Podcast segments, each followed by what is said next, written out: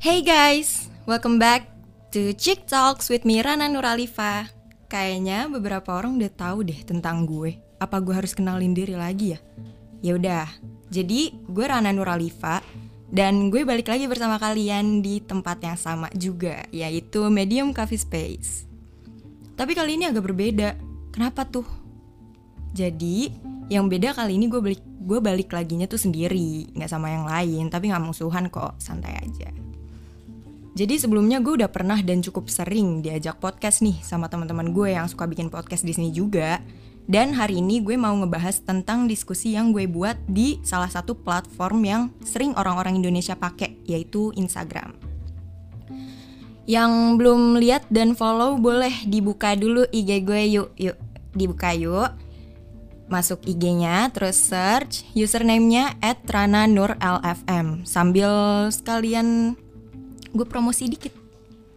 Terus kalau udah buka profilnya, boleh dicek highlight gue yang judulnya Let's Discuss.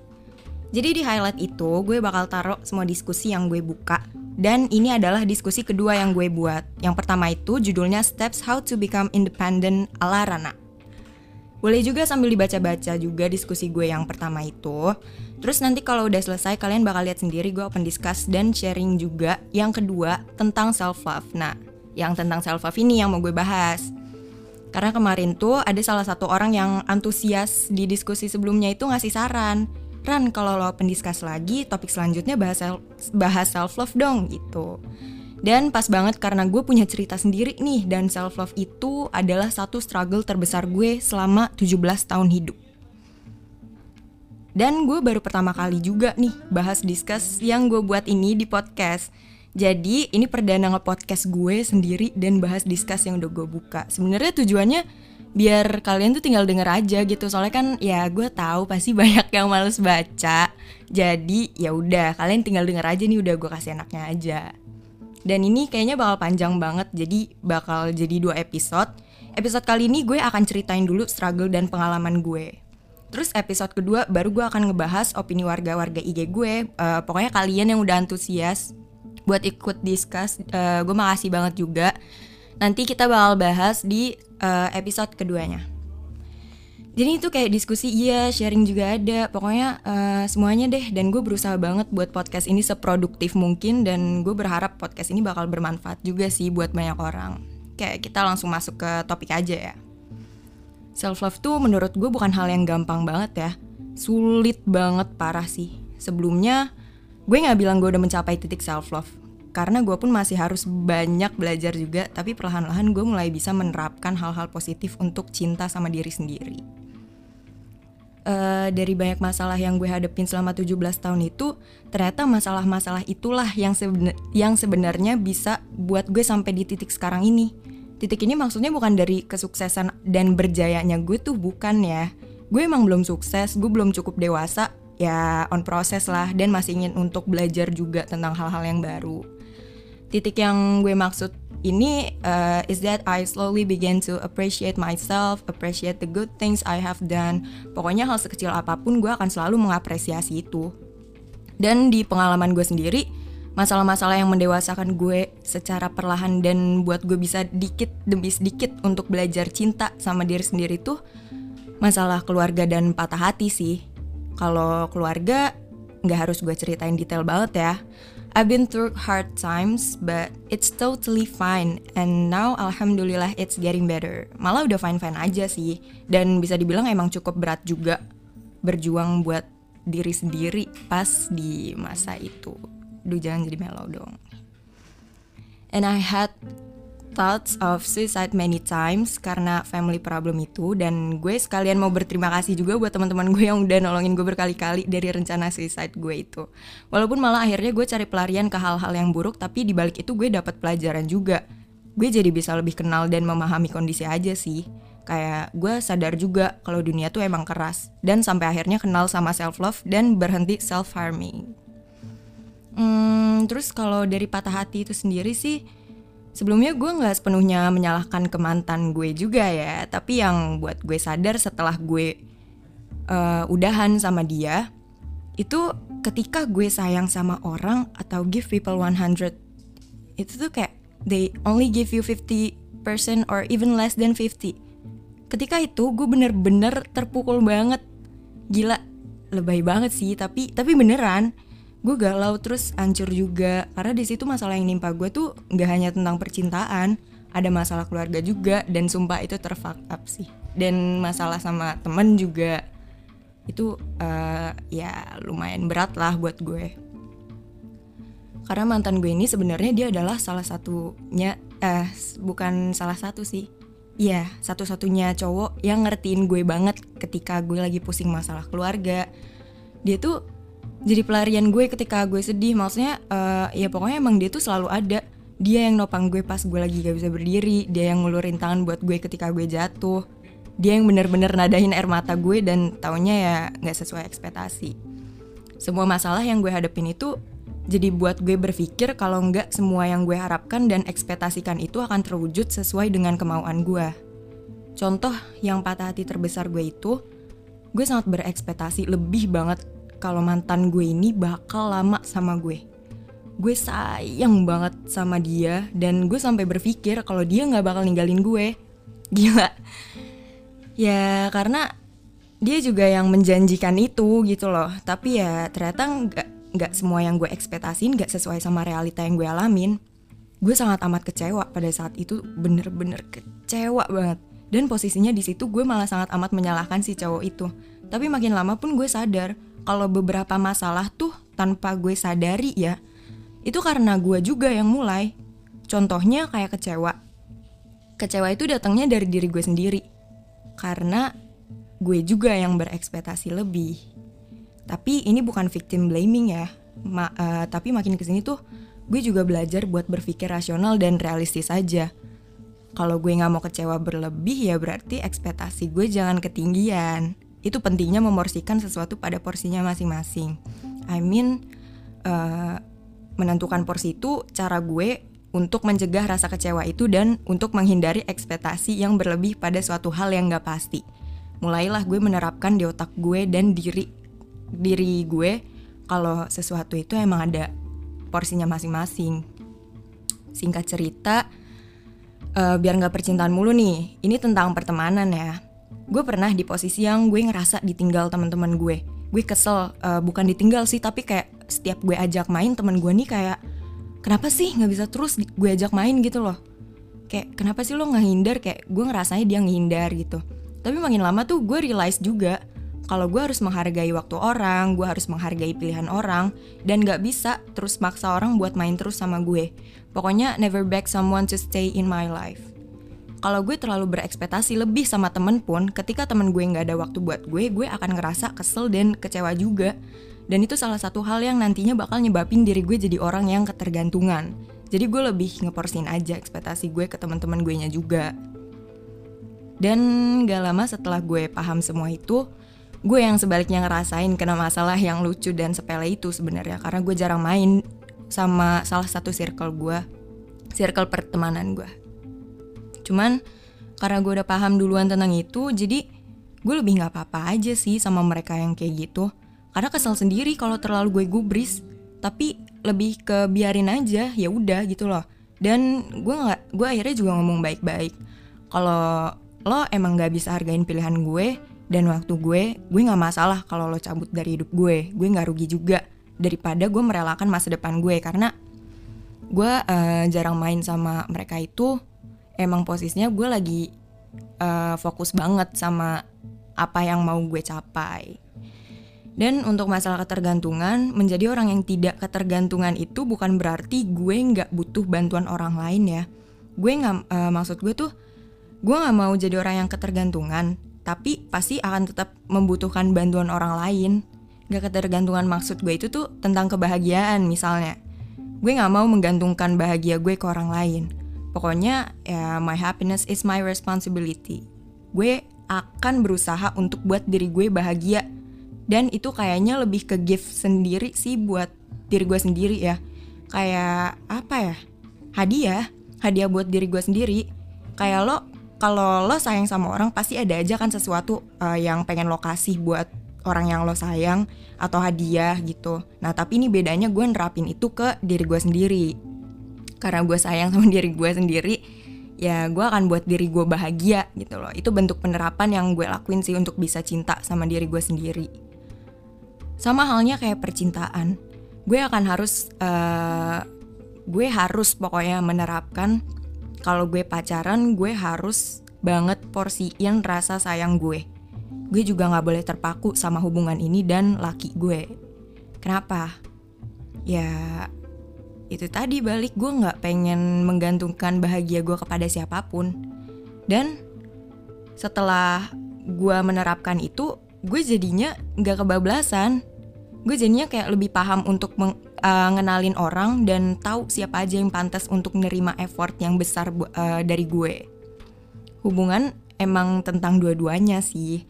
Dan maka dari itu gue lebih pengen ngejalin hubungan sama orang yang punya visi misi yang sama kayak gue kita tetap sibuk nih sama apa yang lagi kita kerjain. Sama-sama ngerintis karir, sama-sama ya fokus deh. Tapi ya tempat pulangnya gue adalah pasangan gue dan begitu juga sebaliknya. Walaupun gue belum punya sih. Ya, ya kalau ada yang mau boleh DM gading. Oke lanjut dan jadinya gue mikir kayaknya gue butuh skala prior, gue gue butuh skala prioritas deh karena itu kayaknya penting banget dan bakal berguna. Dan ternyata bener itu berguna banget di diri gue ya. Dan akhirnya gue buat dan terapin skala prioritas itu di diri gue. Kayak list prioritas nomor 1, 2, 3 itu harus dibuat dan itu berjalan lancar banget. Ternyata setelah gue menerap uh, ternyata setelah gue menerapkan itu tuh gue jadi tahu uh, mana yang harus gue prioritasin dan mana yang bisa gue keduain dan ini berguna di banyak aspek sih menurut gue ya. Jadi ketika gue punya skala prioritas, jadi prioritasnya itu bukan tentang hubungan aja yang selalu dijunjung tinggi. Bukan tentang gue yang selalu prioritaskan pasangan gue dibanding diri sendiri. Atau bahkan sebaliknya, pasangan gue yang selalu apa-apa tentang gue dan gak mau prioritasin dirinya juga. Gue malah gak bisa yang kayak gitu kayak apa-apa gue, apa-apa gue. Terus jadinya kayak cowok ketergantungan sama cewek gue punya pacar pacar gue ketergantungan sama gue kayak aduh eh, nggak uh, banget deh gue gue malah nggak bisa kayak gitu. Tapi hubungan dan diri gue akan gue taruh di nomor satu di tempat yang sama. Lebih kayak ya itu tetap prioritasin diri masing-masing tapi nggak lupa kalau punya satu sama lain. Tapi disertai komunikasi yang baik ya dan perlu kedewasaan juga untuk jalanin hubungan yang kayak gini. Dan ketika gue menaruh hubungan dan diri gue di prioritas yang sama di tempat yang sama sekiranya nih sama-sama udah gak bisa lanjutin ya pokoknya hubungannya udah gak bisa lanjut deh. Udahannya juga gak nggak akan pakai drama-drama yang kayak biasanya walaupun gak nutup kemungkinan juga sih. Cuman mungkin kalau lebih sama-sama dewasa dan masih akan ngerti dan prioritasin diri sendiri tuh jadi rasa kecewanya tuh nggak akan berlebih atau lebih tepatnya masih bisa diatasin ya dan galaunya juga gak berlebih. Karena ketika sedih berlebih nantinya gue akan sadar sendiri. Gue bakal sadar sendiri kalau gue masih punya prioritas yaitu membahagiakan diri sendiri. Gue akan inget kalau gue harus bahagiain diri gue sendiri dan buat gue jadi nggak ketergantungan sama pasangan pasangan gue atau siapa pun. Jadi kalau putus atau ya udahan ya ya udah. Karena prioritas nomor satu gue yang hilang itu cuma yaitu hubungan dan dia yang tadinya pasangan gue.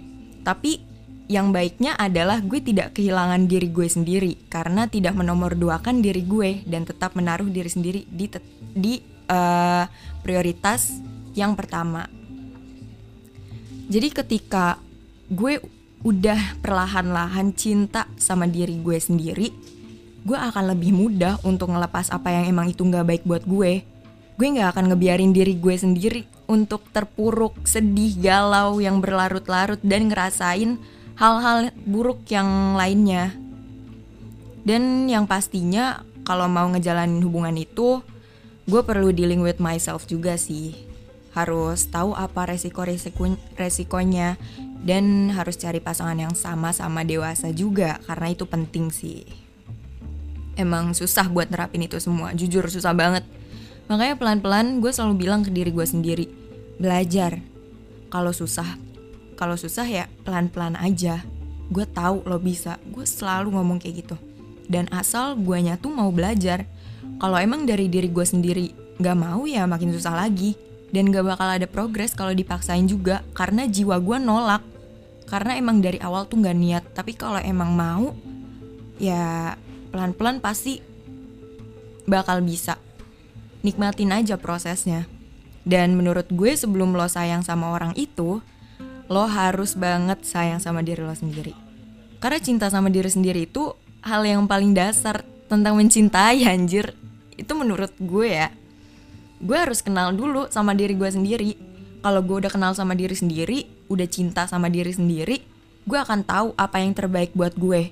Dan gue akan tahu pilihan yang terbaik buat diri gue nantinya ketika gue dibingungkan dengan beberapa pilihan dan gue juga lagi belajar untuk menjaga perkataan gue yang akan mengundang orang jadi berekspektasi lebih sih sama gue kenapa gue bilang masih belajar ya karena gue kadang orangnya suka bercanda kelewat yang berujung buat orang berekspektasi sesuatu sama gue. Teman-teman gue tau lah. Tapi intinya dengan belajar untuk menjaga perkataan gue itu tujuannya karena gue juga sangat menghindari orang punya rasa kecewa sama gue. Karena rasa kecewa itu bisa aja jadi benci yang gue malah takutnya hidup gue jadi nggak berkah karena ada yang benci sama gue gitu loh. Gue juga gak mau bilang ke siapa pun termasuk temen dan sahabat-sahabat gue kayak gue bakal selalu ada kok buat lo. Tapi kata-kata bakalnya itu akan gue ganti jadi gue akan berusaha ada. Yang berarti gue lebih mengusahakan bukan menjanjikan. Sama nih halnya untuk laki-laki di luar sana buaya yang suka menjanjikan sesuatu di dalam hubungan bahkan sampai nikah atau kayak aku nggak bakal ninggalin kamu sumpah aduh nggak tau deh itu kalau gue sih beneran ya nggak percaya. Bukan nggak percaya sih, tapi justru gue lebih percaya manusia itu datang dan pergi. Dan perasaan manusia itu akan berubah-ubah. Dan perkataan itu tadi tuh nggak menutup kemungkinan lo yang ngomong kayak gitu nggak akan jatuh cinta lagi sama orang lain. Dan gue sadar kalau manusia itu nggak bisa diharapkan. Ya yang bisa gue harapin ya cuma diri gue sendiri gitu loh. Terus uh, untuk insecure. Kemarin di kolom komentar gue ada yang bilang, Lu gak pernah insecure lagi ya? Auranya lebih kelihatan karena lo makin pede aja dilihat-lihat. Tipsnya dong. Itu ada true ada false-nya juga sih. Gue sendiri pernah ngerasain insecure. Dan masih juga ngerasa insecure. Tapi kadang doang sih emang ya. Karena kalau setiap gue ngerasa insecure, gue punya cara sendiri buat ngatasin itu. Jadi gue dulu pernah insecure entah tentang bentuk tubuh. Terus gue kadang suka iri kok ada ya orang secantik ini dikasih makan apa sih sama orang tuanya gitu loh. Dan dulu sih gue lebih kebanyakan insecure tentang pencapaian orang lain ya.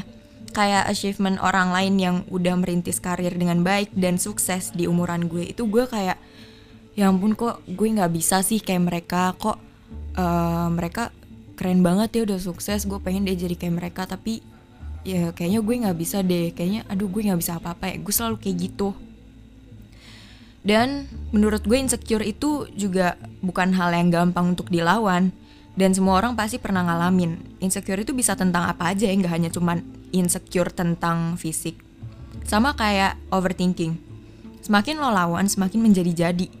Gimana cara gue nya aja nanggepin rasa itu dan ngatasinnya. Dari situ gue berusaha ubah pola pikir dan ngatasin rasa insecure itu sebaik mungkin. Gue lebih kayak giring diri gue dan pik pikiran gue ke hal-hal yang positif sih. Bukannya menyalahkan diri sendiri, kenapa nggak bisa kayak orang lain. Sumpah itu salah banget, tapi emang dulu gue juga pernah sampai kayak, lo kenapa sih nggak bisa kayak dia? Setiap kayak gue ngeliat orang-orang yang lebih di atas gue, gue selalu kayak gitu. Dan gue juga sadar kalau setiap orang tuh nggak ada yang sempurna. Contoh, gue lihat orang di sosmed atau di real life yang menurut gue anjir dia perfect banget gue pikir dia lebih dari gue tapi ternyata pasti dia juga punya kekurangan. Itu pasti. Contoh lagi. Gue iri dan insecure sama orang yang pinter di pelajaran matematika. Tapi dia punya kekurangan di pelajaran olahraga. Yang di pelajaran olahraga itu gue selalu dapat nilai A. Gue juga sadar kalau gue kebanyakan membandingkan kelemahan gue sama orang lain, gue malah menjatuhkan diri gue sendiri. Dan kalau gue ngebandingin kelem uh, kelebihan orang sama kelemahan gue tuh itu nggak setimpal. Bener-bener nggak setimpal ya.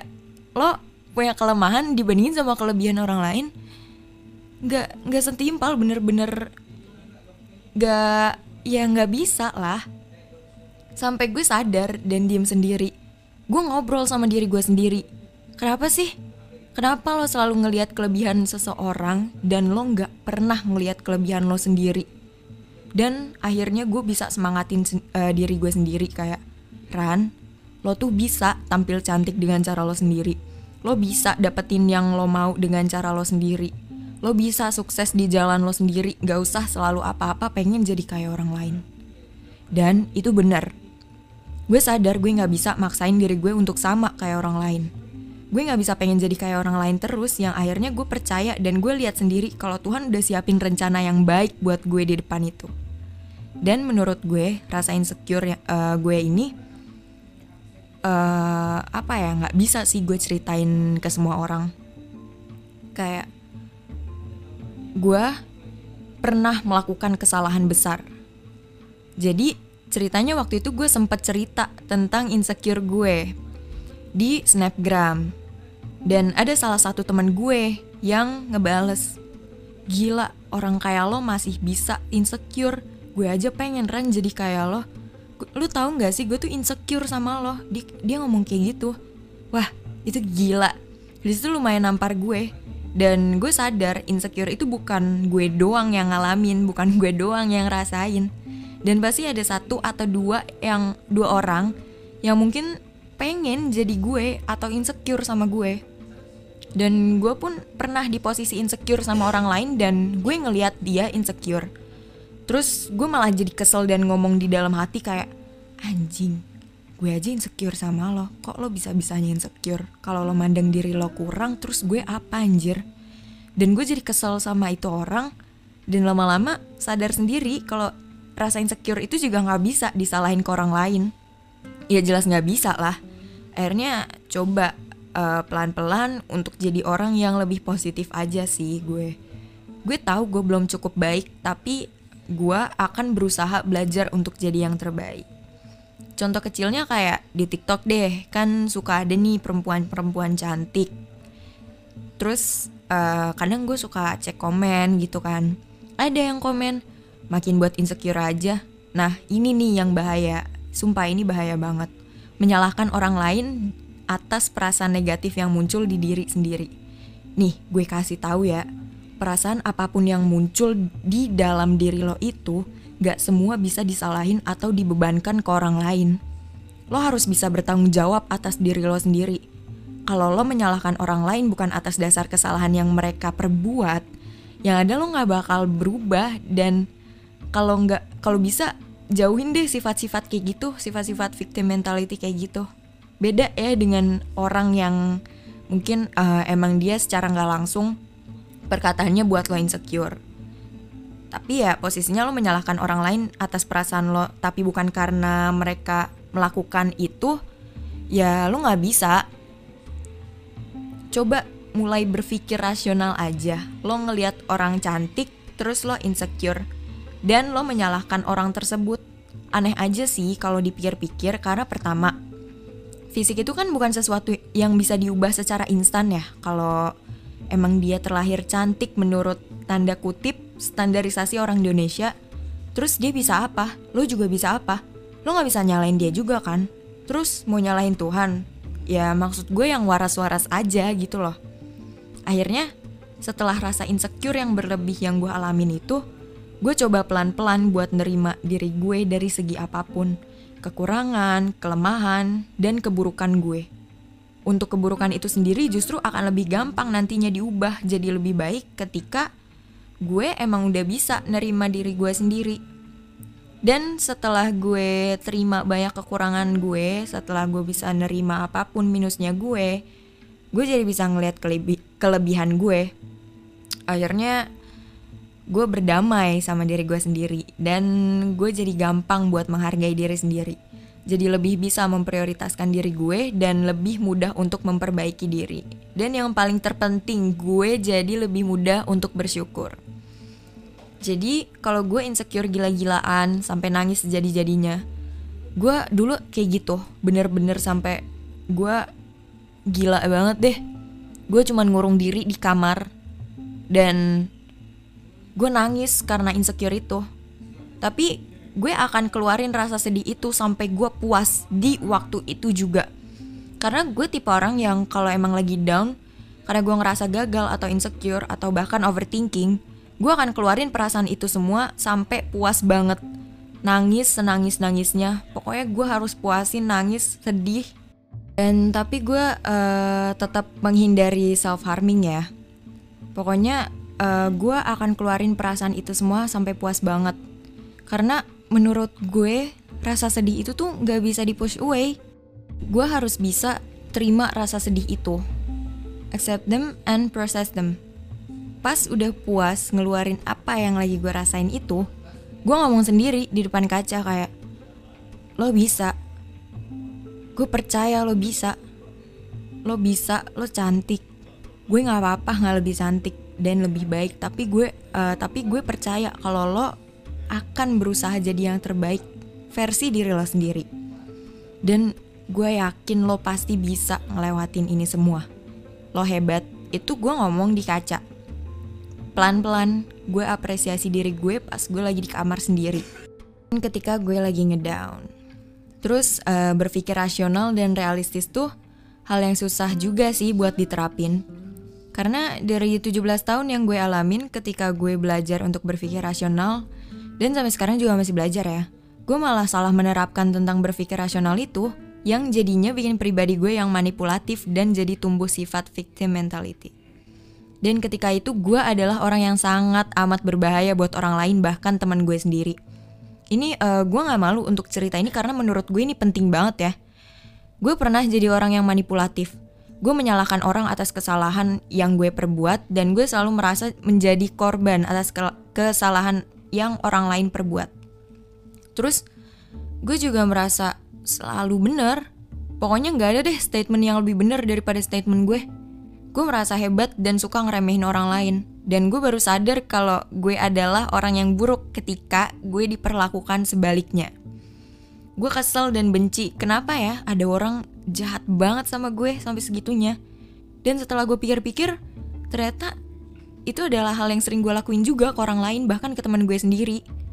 Gue sampai jadi orang yang ditakutin, bener-bener ditakutin, uh, bukan ditakutin kayak segen ya, tapi yang tadinya gue adalah tempat cerita sahabat gue tapi pas saat itu gak ada yang cerita sama gue kayak bener-bener karena mereka takut mereka ngomong sendiri e, gue takut ran kalau cerita sama lu karena dari kemarin gue disalahin terus kayak gitu-gitu gue bener-bener sebahaya itu nah itu yang harus diwanti-wanti jangan sampai salah menerapkan jadi gue ubah lagi kebiasaan gue dan sambil gue nerapin hal-hal positif itu sambil gue juga banyak cari hal baru.